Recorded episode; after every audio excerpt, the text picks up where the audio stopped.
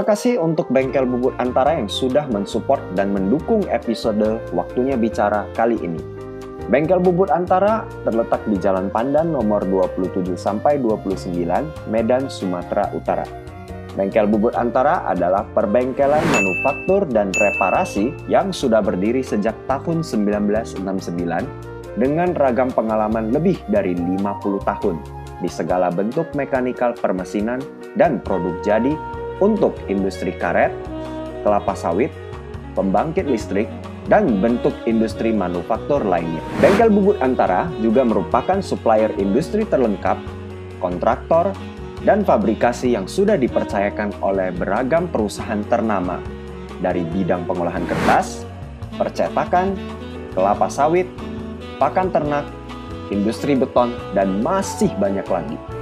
Nah, buat teman-teman waktunya bicara, kamu nggak usah pusing dan ragu kalau misalnya lagi mencari bengkel bubut. Kamu bisa langsung kepoin di deskripsi detailnya di siniar waktunya bicara. Atau kamu juga bisa langsung hubungi bengkel bubut antara di nomor 061 4147 427 atau di 0811 6106 696.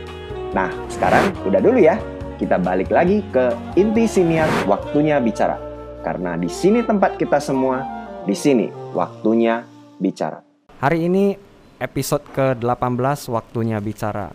Sebelum kita mulai, aku mau sedikit sharing uh, fun fact perubahan gaya hidup yang aku lihat di sekitar ini sering terjadi sejak pandemi. Belakangan saya lihat orang-orang mulai makin sering banyak up to date dengan ragam jenis multivitamin dari vitamin B, C, D sampai K, apalah semua adalah. Bahkan sampai ada yang stok itu apa lianhua ya kalau orang Chinese bilang. Terus ada juga apa vitamin glukosamin lah dan segala macam. Pokoknya makin banyak sekali uh, multivitamin yang tersebar dan kayaknya semua orang itu harus punya gitu. Tapi satu sisi saya melihat awareness orang dengan ragam jenis multivitamin ini justru menunjukkan manusia itu pada dasarnya mulai aware sama kesehatan dia. Jadi mulai memperhatikan cara-cara hidup sehatnya. Nah, mudah-mudahan uh, jangan sampai lupa. Walaupun kamu sudah punya beragam jenis multivitamin, jangan lupa kalau sedang aktivitas di luar, tetaplah pakai masker, cuci tangan, lalu uh, tetap ada olahraga rutin juga penting dan makan buah yang rutin. Itu karena multivitamin basicnya diciptakan hanya untuk penunjang, bukan hal yang utama. Oke, hari ini kita kedatangan seorang eksekutif muda, belum sampai lima tahun pulang ke Indonesia, sempat kuliah di Sydney, lalu kerja di sana kurang lebih tiga tahun. Dengan ragam pengalaman dan pendidikan yang ia tempuh, ia bawa kembali ke kota Medan dan terjun di bidangnya sekarang di dunia properti sebagai bagian dari tim marketing Royal Sumatera. Langsung saja, inilah Jessica Putri. Selamat datang di waktunya bicara. Ah, terima kasih Wesley, terima kasih udah mengundang saya hari ini ya. Terima kasih. Uh, uh, salam kenal juga ya ke buat para audiens kalian. Ya, gimana selama pandemi? Ada banyak yang berubah? iya, banyak sekali kita jadi aktivitas kita juga ikut beradaptasi. Saya yakin juga Wesley juga setuju hmm. ya. Iya, iya benar, banyak sekali perubahannya. Itu. Eh, jadi Jessica kan berarti lu balik ke Indo terus uh, sekarang masuk ke perusahaan di Medan itu Royal Sumatera. Ini udah jalan tahun ketiga ya kalau nggak salah. Iya. Itu gimana ceritanya lu bisa akhirnya bergabung ke sana bisa. sih? Jadi tadinya itu saya tamatan itu dari UNSW, New South Wales University di Sydney. Uh, jurusan saya sebenarnya finance dengan marketing, tapi memang uh, saya rasa ujung tombak itu adalah marketing ya. Uh, jadi saya uh, terjun ke bisnis marketing digital. Uh, lalu dari sana saya sempat bekerja dua tahun setengah di Australia itu di digital advertising dan di uh, consultancy agency. Nah, jadi belajar banyak dari sana. Ternyata wah banyak sekali potensi-potensi di digital marketing ini. Jadi uh, pas pulang ke Indonesia juga baru sadar ternyata uh, ad, apa uh, marketing digital adaptionnya itu di Indonesia itu lumayan lumayan cepat gitu. Jadi ha di mana-mana semua udah pakai sosial media yang terbaru gitu dan sekarang ada TikTok lagi ya kan yang terbaru juga. Jadi eh, sangat-sangat uh, cepat beradaptasi lah orang Indonesia terhadap sosial media ini. Oh, jadi dari sana kamu lihat trennya itu bisa kamu bawa lah ilmunya iya, ke sini. Iya, ya? betul. Malah saya rasa Indonesia itu orang Indonesia lebih lebih uh, adap adaptif ya, adaptif terhadap hal-hal lebih cepat ya ini. adaptasinya iya, betul, ya, lebih betul. cepat tahu memang iya. sih. Oke. Okay. Berarti dengan jabatan lu sekarang sebagai marketing director, uh, sebenarnya tugas lu sehari-hari itu ngapain aja sih di sana? Uh, beda-beda ya. Jadi saya uh, tidak rutin uh, karena mungkin di industri properti ini memang tidak bukan suatu rutinitas ya karena ini per project project base nah uh, jadi dari project base ini biasanya kalau saya sharing aja ya sehari-hari saya sebagai uh, eksekutif gitu pagi-pagi uh, biasanya saya train myself dulu jadi saya uh, buka-buka news, lalu saya juga pasang Google Alerts. Nah, itu Google Alerts sebenarnya sangat bagus juga untuk pemirsa kalau misalnya tertarik, ya kan kalau uh, misalnya saya tertarik dengan IoT. Nah, saya mau tahu nih nah, berita-berita terbaru ini tentang IoT apa saja. Nah, itu boleh ditaruh di Google Alerts IoT, nah, masukin email. Nanti setiap pagi itu dikirimin email-email tentang IoT. Nah, oh. itu lumayan juga kan. Oke, ini jadi kita jadi dapat satu info Google Alerts itu ternyata bisa up to date dengan iya, segala jenis date, iya. informasi betul, gitu ya. Betul. Secara spesifik kalau kita tertarik IoT seperti Jessica bilang tadi, kita bisa tahu betul. soal IoT. Iya, Berarti jadi, dia kayak filter news gitu ya. Iya, jadi dia seperti indexing buat Google gitu. Ah, oh, ya, kalau indexing. kamu mau tahu IoT ini ya beritanya. Nah, jadi paling paling trending ini sekarang apa? Nah, jadi uh, terkadang kita terlalu dibombardir juga kan dengan berita-berita yang sama gitu. Jadi bisa juga difilter mau seminggu sekali dapat beritanya atau seperti apa.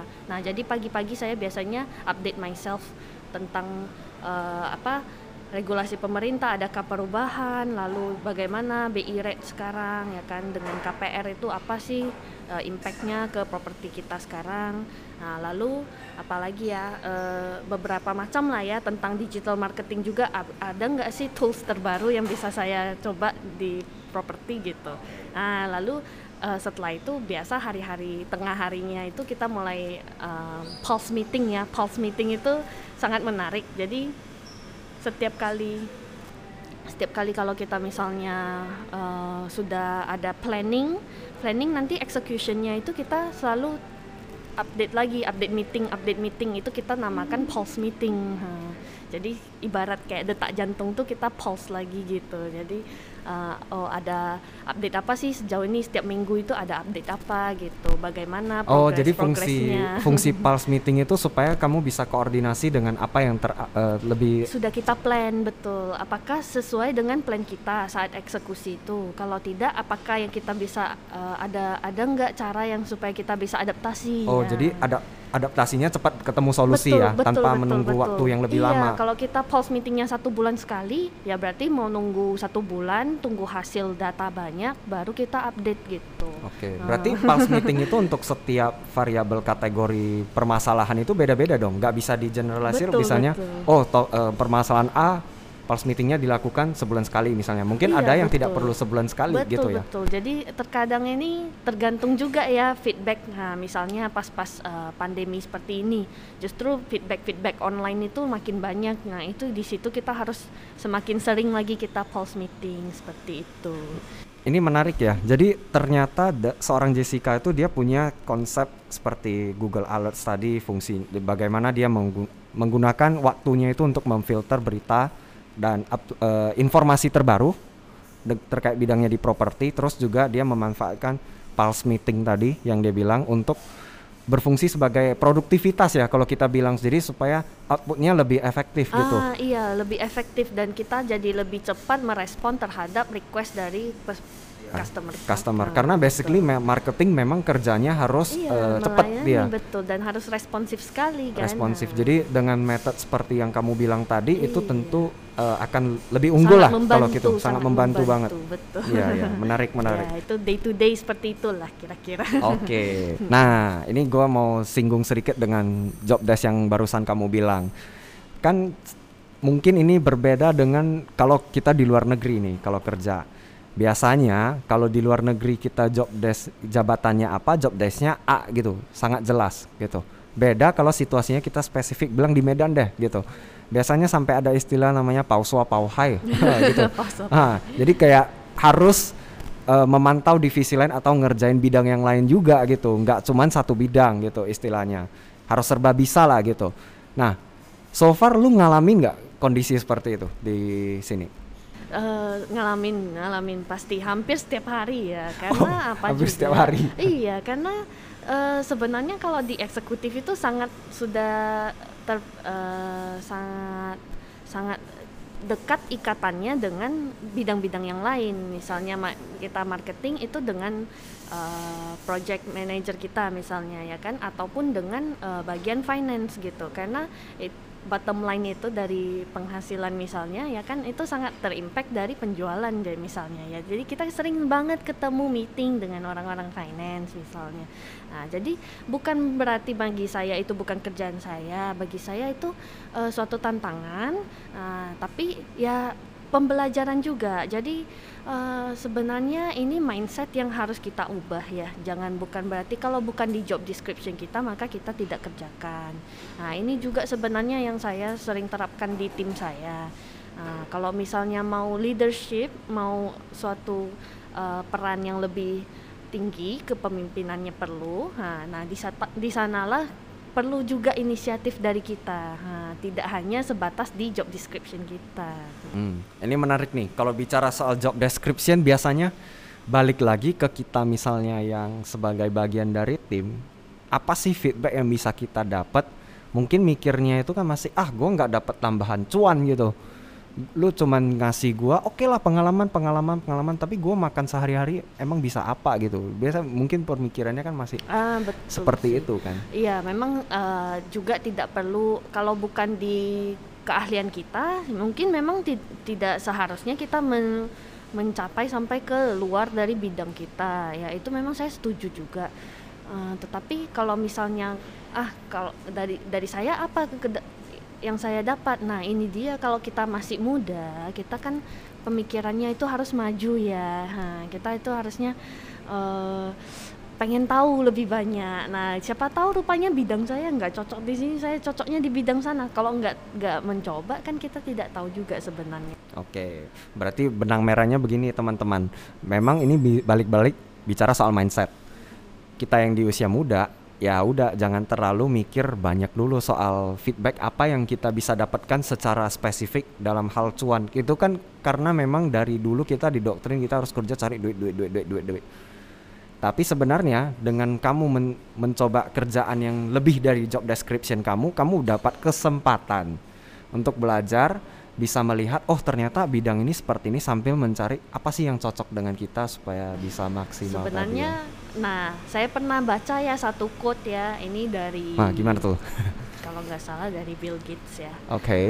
kalau ditanya waktu itu dia pernah ditanya uh, kalau misalnya investasi ya kan? Investasi saat muda apa sih yang paling bagus? Nah sebenarnya saya setuju juga satu hal satu sisi ilmu itu.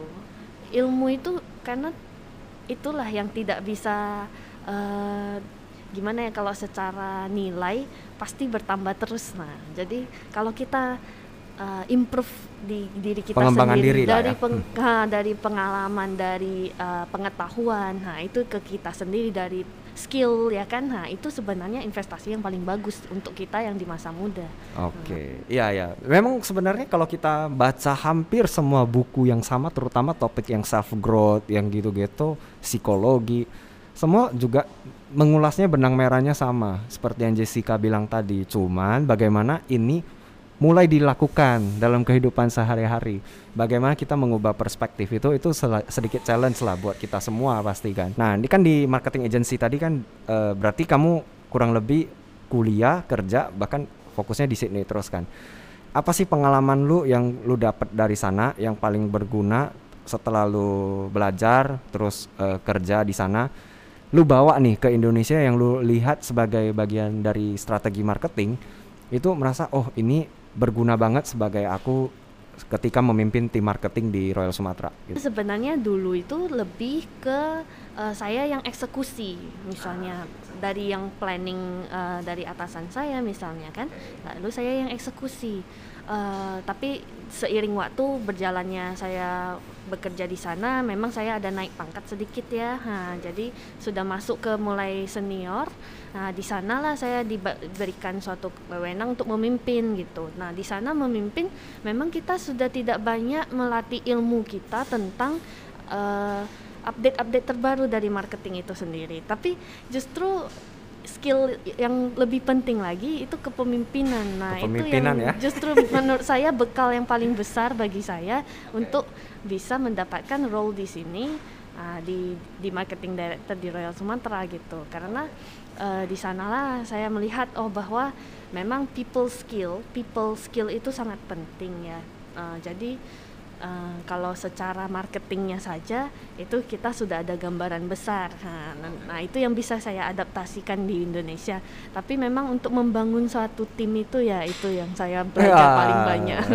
tenang tenang. Kamu punya teman. Kalau urusan membangun tim itu saya rasa hampir di persoalan di setiap company lah. Kalau terutama kita yang misalnya di industri kreatif lah ya. Kita juga lumayan kesulitan. Tapi saya rasa semua bidang sama lah. Nggak spesifik di properti atau di industri kreatif.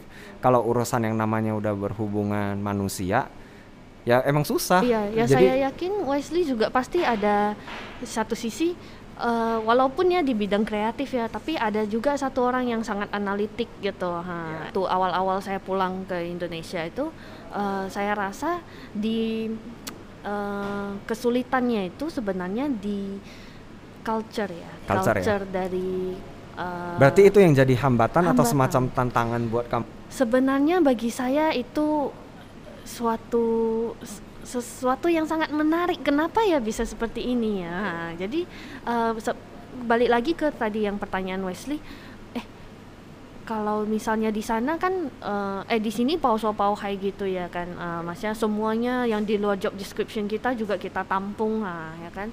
Sebenarnya enggak juga itu kita melatih untuk mendelegasikan kerja ya kan. Mendelegasikan kerja sesuai dengan uh, keunggulan masing-masing dari tim kita gitu. Jadi mendelegasi kerja itu juga suatu requirement ya untuk seorang pemimpin sebenarnya.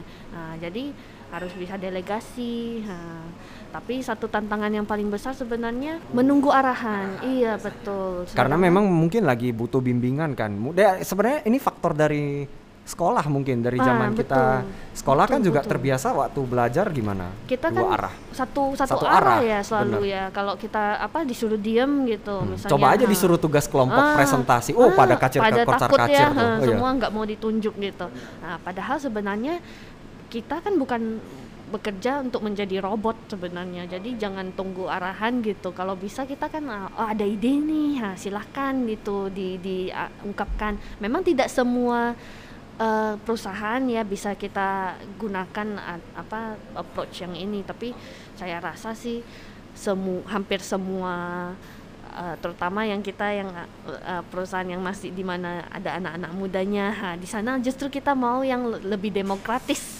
uh, tidak hanya menunggu atasan memberi arahan seperti itu. Mulai nih transisi nih dari yang generasi mungkin baby boomers yang 80-an sudah mulai uh, ngarahin ke kita. Nah, kita yang megang sebentar lagi yang kalau mau megang nahkoda ini yang kita yang bingung nih. Bagaimana untuk catch up dengan generasi yang akan datang? Tipe mereka juga sudah ada spesifiknya seperti itu dengan keterbatasan uh, kita bilang lah karena faktor kondisi tadi kan. Nah, jadi bagaimana kita bisa catch up untuk uh, menjaga supaya tim ini tetap bisa solid dan lebih unggul lah untuk mengejar goals kan.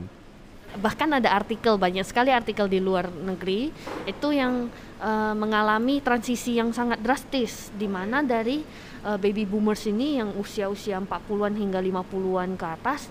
Nah, itu uh, dari cara mereka memimpin suatu perusahaan sangat berbeda dengan apa yang kita uh, expect ya. Kalau kita di di zaman sekarang tuh mau, maunya nggak mau di kantor saja. Kalau bisa kan ada network juga ada unsur network ada unsur have entertainmentnya juga. Nah seperti itu. Jadi memang ada suatu artikel di mana dia bilang oh bagi mereka kita manja gitu ya kan? Nah kita yang milenial nih manja sedangkan bagi kita yang mereka itu terlalu kaku. Nah itu dia. Jadi suatu uh, suatu ada bahkan suatu artikel ya yang menjelaskan secara detail nah, perbedaan dari dua style leadership ini. Kalau memang bicara soal dunia marketing lah, branding lah, strategi lah, itu semua memang satu gimana ya panjang gitu. Dan memang itu tidak akan pernah usai karena dia selalu dinamis ikutin dengan tren ikut dengan kondisi kultur juga kita bilang. Jadi semuanya itu saling berhubungan kalau kita bilang.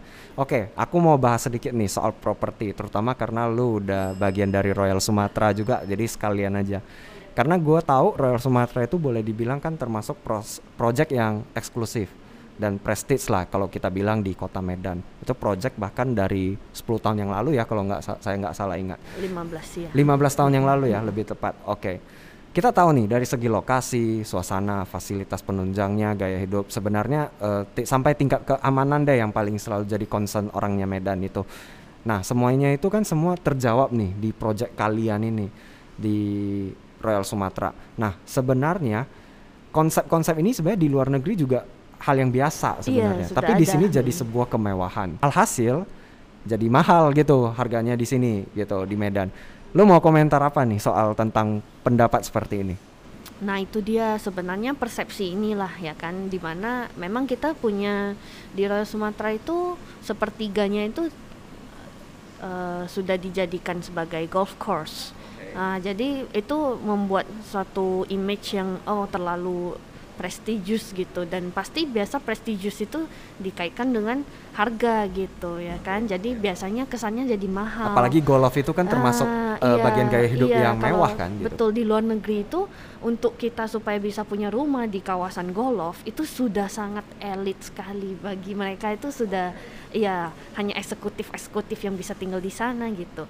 Nah di di Medan ini uh, masih belum ada konsep seperti itu. Jadi uh, waktu awal-awal Royal Sumatera itu launching itulah yang membuat mereka menjadikan uh, Royal Sumatera itu kesannya terlalu mewah gitu untuk untuk mereka padahal sebenarnya harga yang kita jual ada juga yang uh, di bawah 1 m hingga ke ya memang harga-harga paling mahal juga ada oh, beberapa. Oh, bahkan yang di bawah 1 M iya, juga iya. ada ya. Makanya sebenarnya konsep uh, mahal itu dikaitkan dengan prestige gitu.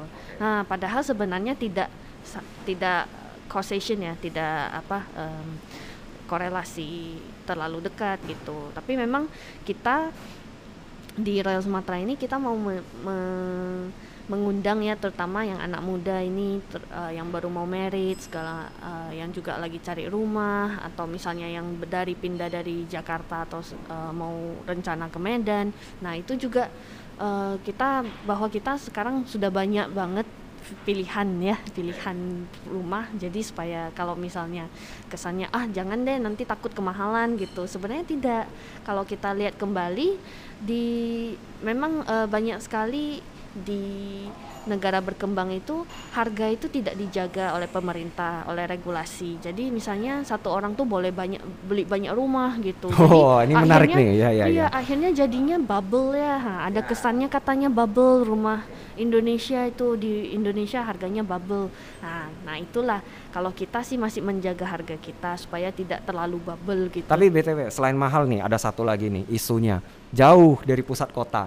Nah itu kira-kira buat kamu gimana? Karena kan perspektifnya kita makin melihat apalagi sejak pandemi, toh orang juga bisa work from home gitu kan. Nah, itu gimana kira-kira kalau lo lihat? Nah, jadi sejak memang itu satu satu poin yang sangat membedakan juga uh, dulu itu kesannya mahal karena transportasi itu masih belum didukung ya maksudnya oh, secara iya, iya. akses ya infrastruktur kita, kita di Medan okay. belum didukung. Tapi sebenarnya di uh, Raya Sumatera itu masih kota Medan. Ah sertifikatnya masih kota Medan misalnya. Ha.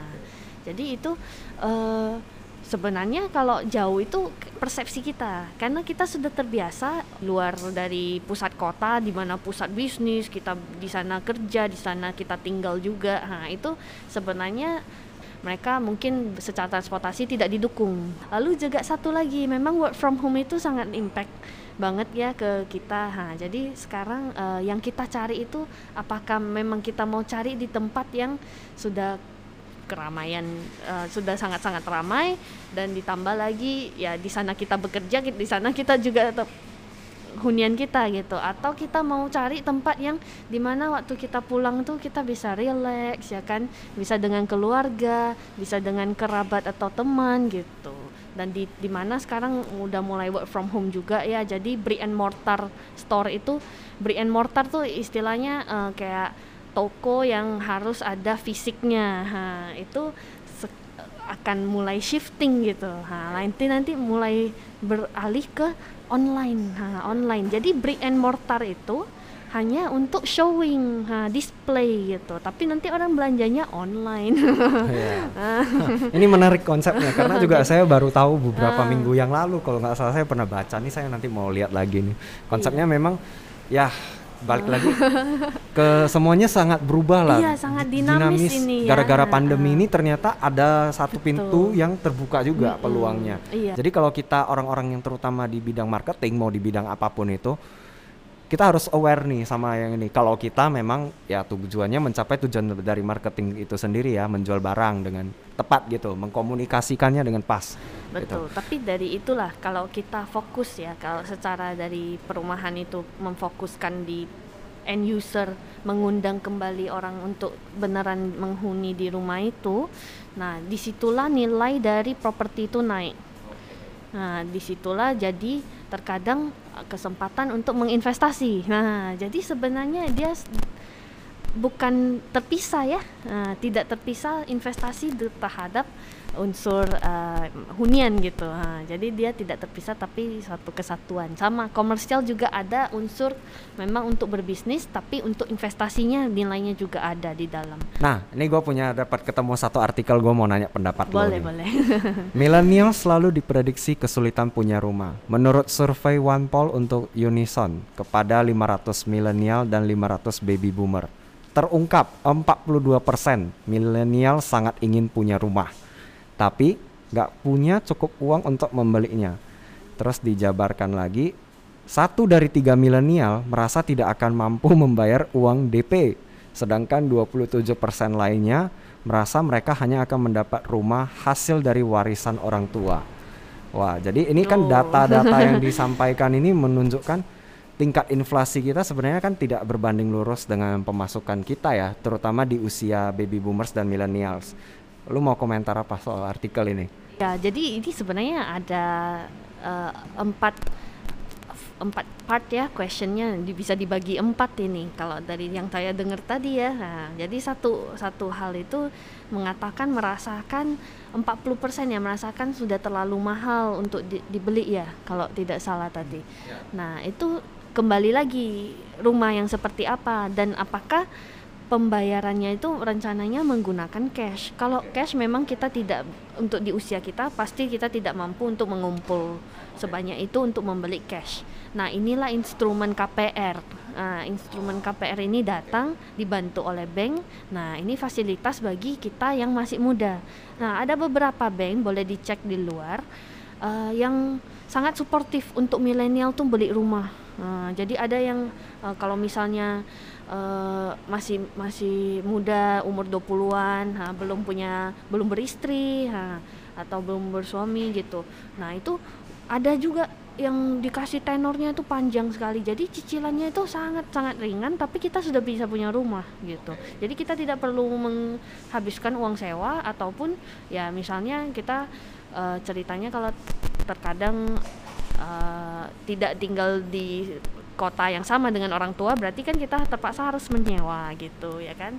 Nah jadi di sanalah uh, kita bisa punya alternatif. Jadi KPR itu sangat satu sangat membantu.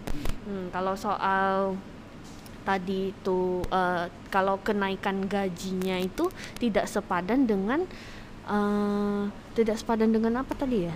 Kalau gajinya naik mm -hmm. maksudnya gini uh, pemasukan kita nggak mm-hmm. bisa ngejar nih si inflasi ini. Kan ini kan mm. sekarang kan ceritanya kan harga rumah kan naik terus nih. Mm.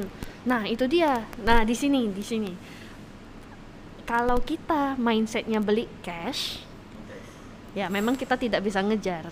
Bahkan saya sangat tidak rekomend ya kalau beli cash untuk properti gitu. Nah karena uh, inflasi itu tidak memang benar tidak bisa kita kejar ya kan dengan kenaikan gaji kita kalau hanya sekedar itu. Tapi ada juga yang beberapa uh, dari pengalaman saya melihat customer lain uh, dia memang misalnya seorang dokter ya kan tapi ada juga kerja sampingan. Ha misalnya hobi sampingan di mana dia mendapatkan ekstra ekstra income tabungan. Nah itu boleh dibuat untuk DP nah satu lagi dia sangat sangat uh, gimana ya uh, menjaga pengeluaran dia. Jadi tidak sembarangan mengeluarkan uang untuk hal-hal yang konsumtif gitu. Misalnya kartu kredit atau segala macam tidak terlalu banyak ya uh, tunggakannya. Nah jadi di sana sebenarnya dia masih umur 20 27 ha, tapi sudah bisa beli rumah. Ha, hmm, seperti itu. balik lagi ini ke self management hmm, juga betul, keuangannya. betul. Jadi sebenarnya Tata dari ya? kita hmm. apakah itu kebutuhan kita sekarang? Nah hmm, tanya ya balik kan? ya ke balik, kita. ah kenapa kita bisa beli HP yang mahal gitu atau sepatu yang mahal tapi sebenarnya ke, kalau kita hitung-hitung dari semua yang kita bayar itu bisa buat DP. bisa buat DP untuk beli rumah ya kan nah sudah bisa punya satu rumah dan kalau memang kita kejar nanti kita kumpul cash dulu baru kita bayar eh, beli rumah pasti tidak terkejar. Mungkin nanti uh, rumah yang kita inginkan makin kecil makin kecil gitu. Boleh konsultasi ke bank, ha, tanyakan saya income saya seperti ini, kira-kira rumah yang bisa saya beli seperti apa harganya. Iya, yeah, jadi memang awali dengan uh, curiosity Betul, berani bertanya dulu. Sendiri. jangan langsung iya, bentengin iya, dulu ya jumpanya ya kalau kok saya mahal ya? Iya berapa ratus juta ah, berapa mungkin lah juta. saya bisa beli gini. Iya sampai pollingnya nulis gitu saya juga berapa bulan itu? Iya dia mikirnya kayak waduh ini kayak pesimisnya itu udah tinggi banget kan kalau yang sekarang. Karena kita memang dibombardir juga oleh iklan-iklan misalnya ya di zaman sekarang ini semua iklan udah mulai bertebaran gitu. Jadi kita akhirnya adapun tabungan itu kita jadi merasa kayak eh saya impulsif buying ya. Jadi impulsif buying oke deh menurut untuk penutup nih karena lu udah bicarain soal impulsif buying gue juga mau relate dengan kehidupan kita sehari-hari sebagai milenial sekarang. Toh usia kita juga tidak terpaut jauh masih di era millennials menurutmu mungkin apakah memang kita millennials itu bakalan sangat sulit punya rumah gitu sampai dengan ini ya lifestyle kita sekarang kondisi keuangan misalnya income kita walaupun kita kerja berbanyak dan segala macam menurut kamu apakah memang sangat susah gitu millennials punya iya, rumah? sebenarnya bahkan zaman-zaman dulu mereka juga sudah harus ada financial planning di awal gitu untuk punya untuk bisa beli rumah. Hanya saja kesadaran dari milenial sekarang ya uh, mungkin juga tadi satu faktor saya dengar ada warisan dari orang tua. Mungkin merasa dari warisan orang tua sudah ya, cukup. kan secure. Iya, jadi uh, memang beda ya. Zaman dulu itu mungkin banyak bersaudara, jadi masing-masing harus mikirin financial planning sendiri. Nah, tapi makin ke sini ah makin ke sini kan jumlah anak setiap keluarga semakin tidak banyak nah di sanalah mereka mungkin menunggu ya warisan orang oh, tua tapi distribusi kekayaannya lebih iya, merata nih. sebenarnya itu kan uh, bukan bukan sesuatu yang harus kita tunggu gitu seperti itu ya kan. Itu kan uh, konsep berpikirnya sih, iya, harus dihindari iya sebenarnya. harusnya itu dihindari ya kalau dari personal. Wes, jadi balik-balik lagi apa pun kondisinya kalau saya lihat tadi memang kita butuh uh, financial planning yang baik ya terutama kita di millennials ini kayaknya kurang nih edukasi suka, literasi suka keuangannya. Gitu. ya masih suka belanja. Sebenarnya nggak apa-apa kalau suka belanja, tapi ada batasnya bagaimana planningnya dengan ya banyak lah di sosial media saya lihat juga beberapa uh, akun-akun yang sharing informasi keuangan, literasi keuangan, awareness gitu, mereka juga sharingnya dalam bentuk spesifik teknikal. Jadi teman-teman rajin-rajinlah menggunakan sosmed untuk melihat hal-hal yang seperti itu karena itu bermanfaat buat pengembangan diri kita. Oke. Silakan diminum dulu kopinya. Ah ya, terima kasih banyak loh Wesley. Ya. Uh, sebelum aku sum up, aku mau ucapin terima kasih sekali lagi buat pendukung kita di episode kali ini. Ada Bengkel Bubut Antara yang sudah berdiri sejak 1969 sebagai pendukung utama kita di episode kali ini. Ada juga dari Keiko Cookies yang ikut mensupport rekaman kita di episode hari ini. Keiko Cookies, okay. satu lagi nih cookies pilihan kamu buat di era new normal. Tersedia dalam beragam pilihan rasa. Cookies fresh dibuat setiap hari kamu bisa langsung cek di Instagram mereka di @keiko.cookies hari ini. Oke, kesimpulannya aku sum up ya. uh, hasil ngobrol-ngobrol kita bersama Jessica Putri, marketing director dari Royal Sumatera. Jadi dengan pengalaman dia uh, bekerja di marketing agency di Australia, uh, dia membawa banyak sekali uh, ilmu dan hasil pembelajarannya dibawa ke Medan, terutama di bidangnya sekarang di bidang properti. Bagaimana dia melihat peran leadership ya? Tadi saya lihat itu sangat penting untuk membangun dalam uh, kerjasama sebuah tim gitu. Terus juga pengetahuan yang dia dapat secara digital teknik itu bagaimana dibawa ke sini pas pula kondisinya lagi pandemi. Jadi itu sangat membantu ya banyak sekali apa yang sudah dia dapatkan pengalamannya untuk dibawa ke industri ini. Terus juga tadi saya lihat bagaimana keseharian Jessica uh, sebagai seorang leader kalau boleh kita bilang bagaimana dia disiplin membagi project base-nya itu berdasarkan uh, training dengan dirinya sendiri dulu. Dimulai dengan pulse meeting misalnya terus baca Google Alerts dulu maksudnya ya.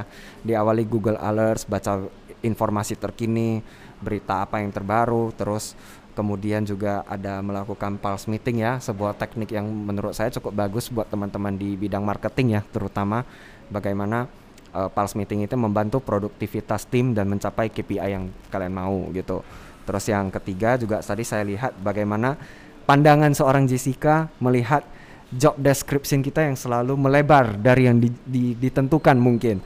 Tapi bagaimana kita melihatnya itu bukan sebagai hambatan atau kelemahan ataupun harus hal yang kita protes, tapi lihat sebagai peluang dan uh, tantangan. Jadikan ini sebagai kesempatan ya kalau tadi kita lihat karena memang ke depannya itu banyak sekali orang-orang yang akan bisa multitasking saya lihat banyak yang harus serba bisa karena tuntutan zaman dan kompetisi teman-teman jadi coba dilihat uh, dari perspektif yang berbeda berkaitan hal ini. Terus juga uh, balik lagi sebenarnya di bagian leadership tadi juga sempat dimention Jessica bukan pausa pauhai sebenarnya tujuannya tapi bagaimana leader itu perspektifnya dia ingin mendelegasikan tugas secara spesifik sesuai keunggulan masing-masing kita yang ada di tim gitu. Jadi ini curahan hati yang saya sampai garis bawahi tadi. Ini penting nih karena karena selama ini nggak ketemu kata yang pas untuk mewakili. Jadi kan Jessica tadi bilang e, cocok gitu kan. Saya tinggal menyalurkan ke teman-teman yang mendengar gitu. Terus juga tadi disinggung juga bagaimana kebutuhan milenial yang di tengah banyak distraksi, apakah memang benar sulit punya rumah dan segala macam, apalagi hunian yang kita bilang pengen deh hunian kelas mewah dong. Semua orang pengen kan hidup yang lebih baik gitu. Nah, bagaimana di Royal Sumatera ternyata ada juga tuh rumah di bawah 1 M kita bilang kan. Bahkan juga ada proyek-proyek perumahan lain yang sebenarnya bisa memenuhi kebutuhan kalian dan banyak sekali bukan hanya di Royal Sumatera juga teman-teman. Balik lagi bagaimana kita melihat rumah itu apakah sebagai sarana hunian atau investasi bagaimana kita melihat ini kebutuhan primer atau kebutuhan yang mendatang gitu. Oke, okay, terima kasih Jessica iya, Putri kasih sudah meluangkan waktunya iya. pagi hari ini. Semoga bermanfaat Semoga buat teman-teman.